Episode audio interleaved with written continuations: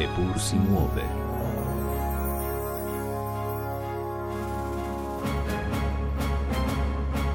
In vendar se vrti.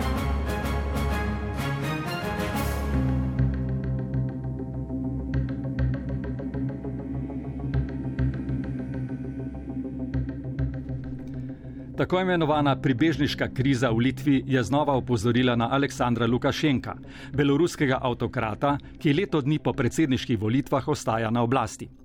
Litovski zonani minister Landsbergis je opozoril, da Lukašenko krizo z migranti izkorišča kot hibridno orožje, s katerim želi vplivati na Evropsko unijo, da omili ali spremeni svojo politiko do Belorusije. Lukašenko se je v času od lanskih predsedniških volitev v smislu oklepanja oblasti za vsako ceno izkazal še za bolj trdoživega, kot bi domnevali. Čeprav se mu čas izteka, se je v enem letu po volitvah pokazal kot avtokrat, ki brezmejno prezira sodržavljane. Čeprav je bil izid lanskih volitev znan vnaprej, Aleksandr Lukašenko je dobil že svoj šesti zaporedni mandat, so demonstranti z množičnimi shodi že dan po volitvah opozorili, da rezultata, ki ga je objavila osrednja volilna komisija, ne priznavajo. Demonstracije niso zajele samo glavnega mesta Minsk, pač pa so se razširile tudi na 20 drugih krajev po državi, denimo Brest, Gomel, Vitebsk, Grodno in Mogiljev.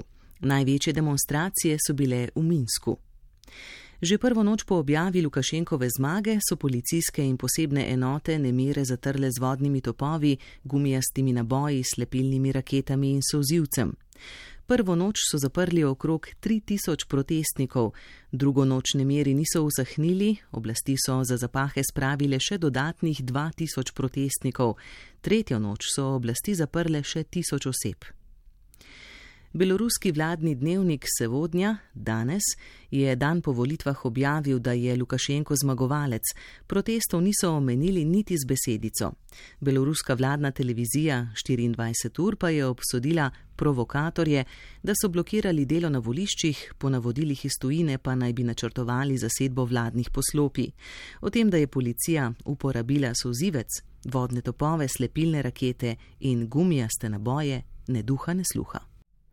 Z brutalnim in eksemplaričnim kaznovanjem civilne družbe ima Lukašenkov režim na svoji strani še vedno vse represivni aparat. Analitik dr. Denis Mancevič ocenjuje, da Lukašenkovemu ustrajanju na oblasti botrujeta vsaj dva razloga.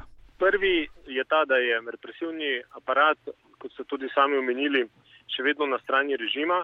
V mestnem času, sploh v prvih mesecih po predsedniških volitvah, so se dogajali prestopi eh, strani policijskih vrst eh, ali pa strani eh, pripadnikov posebnih policijskih enot, a kljub temu je represivni aparat, ki ga je Lukašenko zelo skrbno gojil v zadnjih dobrih 20 letih zdržal in posledično še vedno izvaja brutalen pritisk na civilno družbo in širi strah. In ta strah seveda povzroča določeno apatičnost med, prebivalstv, med prebivalstvom.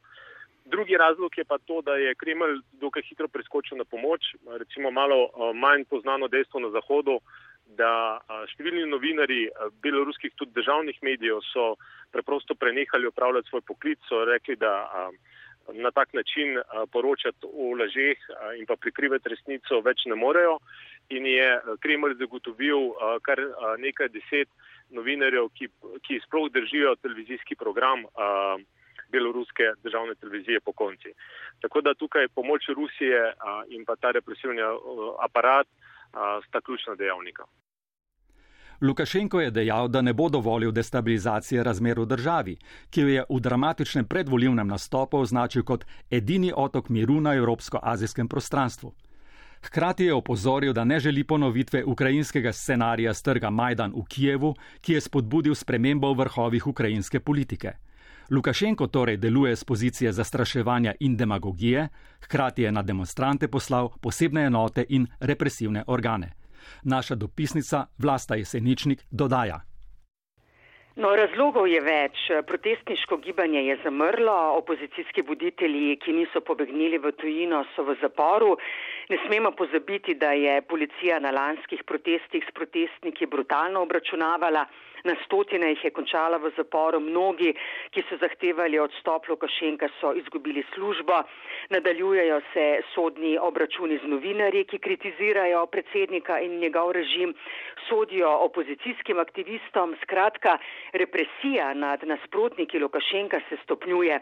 Nedavno so na 14 let zapora obsodili nekdanjega bančnika Viktorja Babarika, ki je nameraval kandidirati na lanskih volitvah Babarika, ki je veljal za največjega tekmeca Lukašenko, so obtožili pranja denarja in utaje davkov.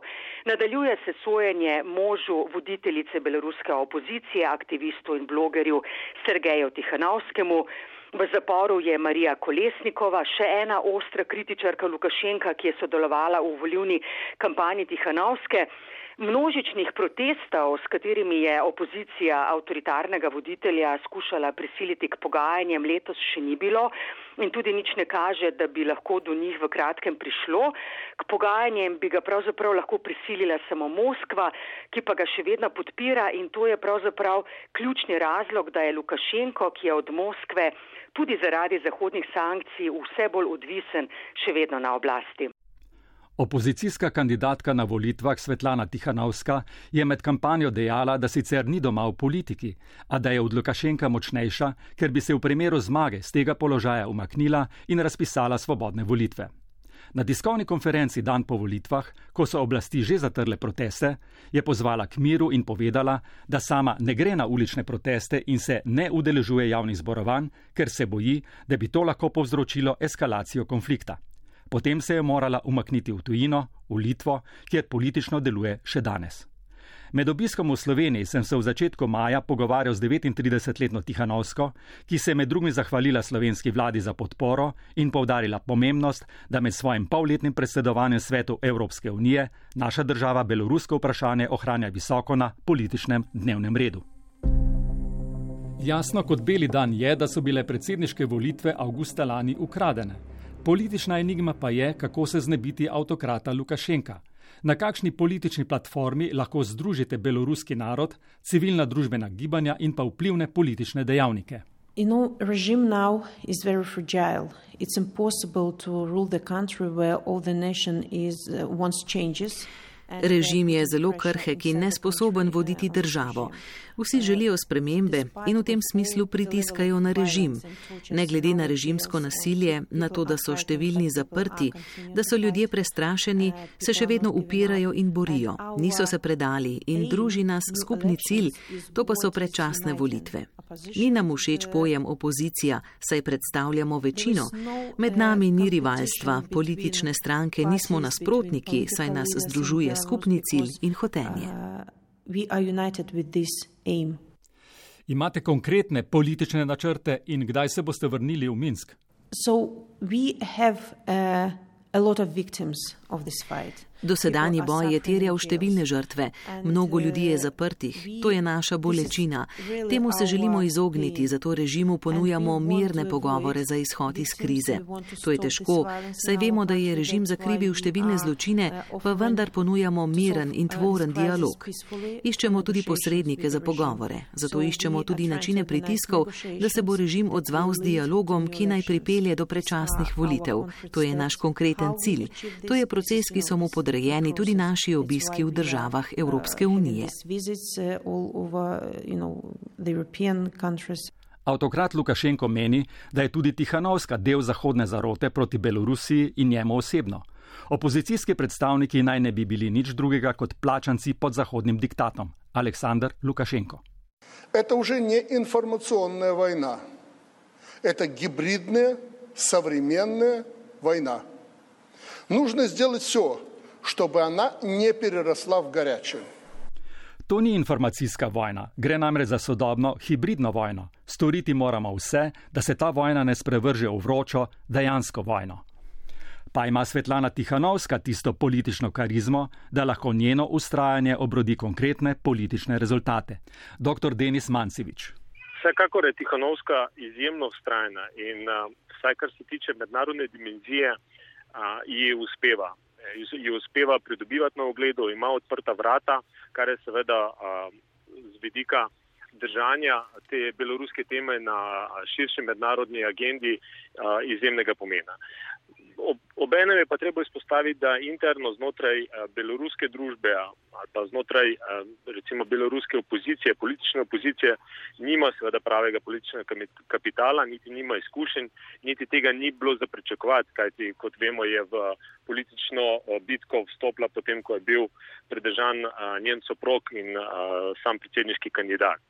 Zato je po mojem oceni zelo pametno naredila pred meseci, ko je javno napovedala, da v primeru predčasnih predsedniških volitev, volitev, ki bi seveda morali potekati v skladu z demokratičnimi principi ja, in biti poštene, sama ni pripravljena kandidirati, ne bo kandidirala in bo prostor prepustila tistim bolj vidnim političnim opozicijskim predstavnikom, ki pa ta kapital že imajo in ki imajo tudi politične izkušnje, ki so jih pač nabirali v preteklosti. Ključni dejavnik Lukašenkovega preživetja je Putinova podpora.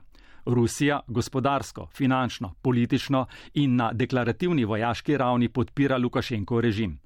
Hkrati s tem pa je Kremelj tudi zaradi lastne notranje politike na udaru tako ameriških sankcij kot sankcij držav Evropske unije. Vlasta Jeseničnik.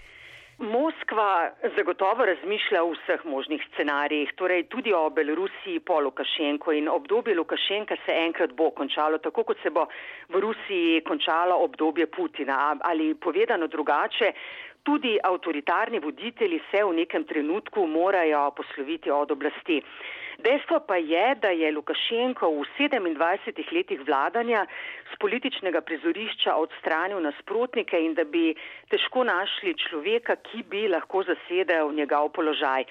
Odnosi med Moskvo in Minskom niso bili vedno dobri. Lukašenko je pravzaprav Moskvo veliko krat izsiljeval in v tej veliki geopolitični igri med Zahodom in Rusijo ki jo v veliki meri zaznamuje tudi NATO-vo približevanje ruskim mejam, igral dvojno vlogo. Ali Moskva išče, morda tudi že vidi Lukašenkovega naslednika? Zamenjavo oblasti bi utegnili uradno zaviti v svežen beloruskih ustavnih reform. Dr. Denis Mancevič. Lukašenko mislim, da preprosto samo zavlačuje in želi dati signal narodni skupnosti in pa tudi a, prebivalstvom Belorusije, da je le vendar pripravljen nekaj storiti, a mislim, da je to bolj slepilni manever in zavlačevanje. Medtem ko pa Moskva pravzaprav že dolgo išče Lukašenkove naslednika, pri tem ni preveč uspešno. Um, Lukašenko namreč ni preveč pogodil v Kremlju. Um, večkrat v zadnjih 20 letih je to tudi pokazal, je zna solirati zna odigrati proti ruskim interesom in zato a, Moskva pač že dolgo časa išče a, nekoga bolj primernega po, a, za, za zaščito lastnih interesov, a pri tem pač niso bili a, uspešni. Ne. Obenem pa treba izpostaviti to, da v beloruskem primeru ne gre za ukrajinski scenarij. Torej, beloruska družba nima antiruskega pedigreja. In tudi v protesti niso bili antiruski ali pa izrazito prozahodni, bili so prodemokratični za odprto civilno družbo, za svobodo posameznika in svobodno družbo. In zato mislim, da če bo Moskva še dolgo časa vztrajala pri podpori Lukašenko, se zna to obrniti. In bo v tem primeru Kreml izgubil še, nekaj, še tistih nekaj pozicij, a, ki jih ima v Belorusiji. In to zna biti nevarno. Zato sam pričakujem, da bo Kreml v naslednjem recimo obdobju naslednjega leta, ne, ko stopamo kmalo v drugo leto beloruske politične krize, um, bolj aktivno iskal um, primerno rešitev, ki bi po eni strani lahko uh, bila pogodo mednarodni skupnosti, uh, lahko zadovoljila interese beloruske civilne družbe, obenem pa tudi uh, bila spremljiva za, za uradni Kremlj. Evropska unija je v drugi polovici junija uvedla nove sankcije proti Belorusiji, katerih tarča so tokrat ključni gospodarski sektori. Povezava tako krepi pritisk na Minsk po majskem prisilnem pristanku letala družbe Ryanair in po aretaciji beloruskega novinarja in disidenta Romana Protaseviča. 26-letnega aktivista so beloruske oblasti zajele 23. maja po preusmeritvi mednarodnega poleta letala na letališče v Minsk. Vlasta Jeseničnik ta preusmeritev letala, na katerem je bil Protjasevič in potem njegova aretacija potrdila, da eh, nasprotniki Lukašenka niso nikjer varni in seveda, da je Lukašenko eh, vse bolj nepredvidljiv.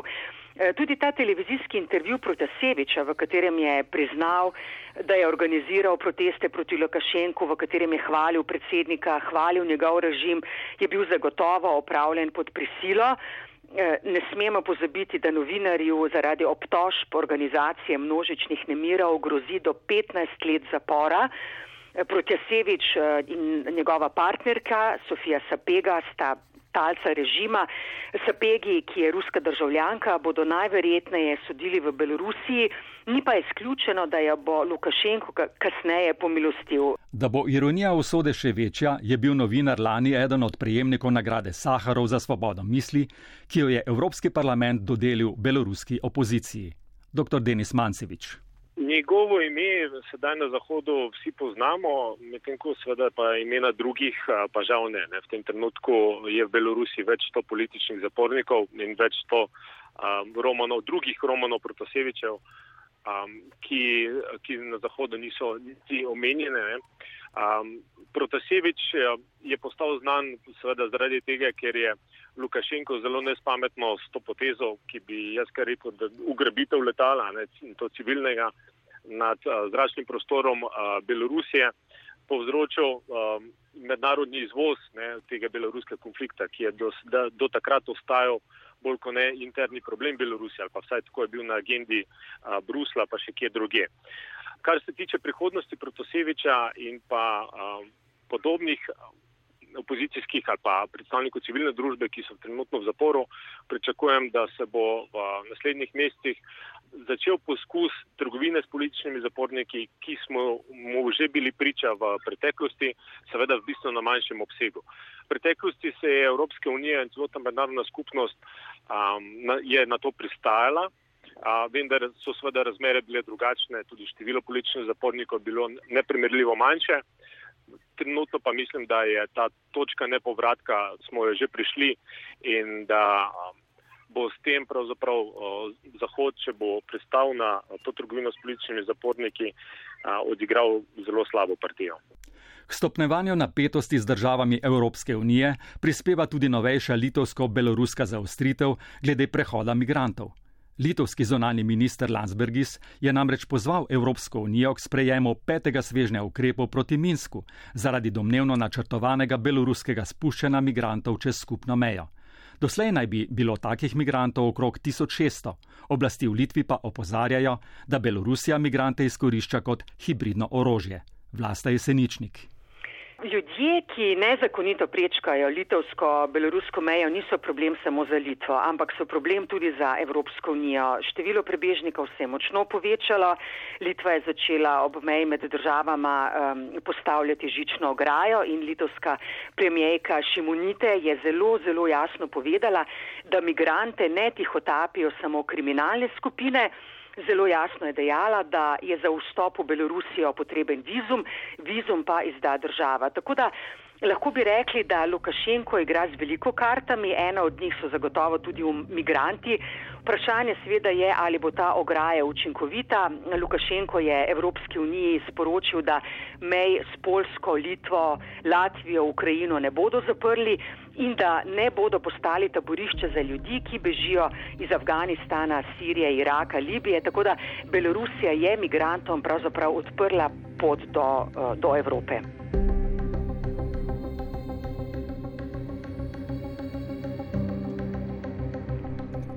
Beloruski avtokrat eno leto po predsedniških volitvah ustraja na oblasti na vse načine in za vsako ceno. Čeprav so ranjeni oblastniki najnevarnejši in nepredvidljivi, se Lukašenko čas izteka. Vprašanje pa je, kdo in kako ga bo nasledil in kako dolga bo še politična tranzicija.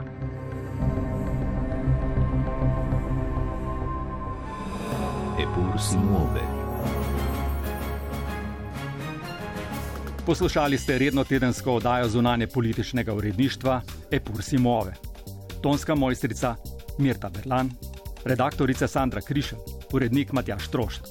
Podajo lahko najdete tudi med podcasti in na spletu prvega programa.